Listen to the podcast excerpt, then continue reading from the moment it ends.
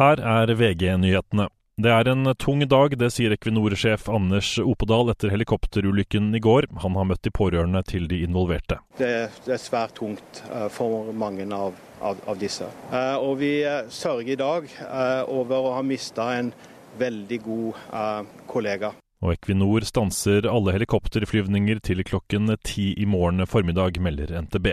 Over 25 000 kvinner og barn er drept på Gazastripen siden krigen mellom Israel og Hamas brøt ut 7.10, ifølge USAs forsvarsminister Lloyd Austin. Han la til at rundt 21 000 presisjonsstyrt ammunisjon hadde blitt levert til Israel siden starten av krigen i Gaza. Det er fortsatt bedring for kongen, det sier kronprins Haakon fra Finse, hvor han og Mette-Marit besøker Røde Kors sitt redningskurs, mens kong Harald er innlagt på sykehus med en infeksjon i Malaysia. Ja, eh, han er fortsatt i bedring, eh, og det er ikke så mye å legge til på det fra i går.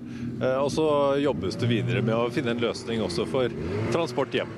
I studio Andreas Hagen Haakonsen, nyhetene får du alltid på VG.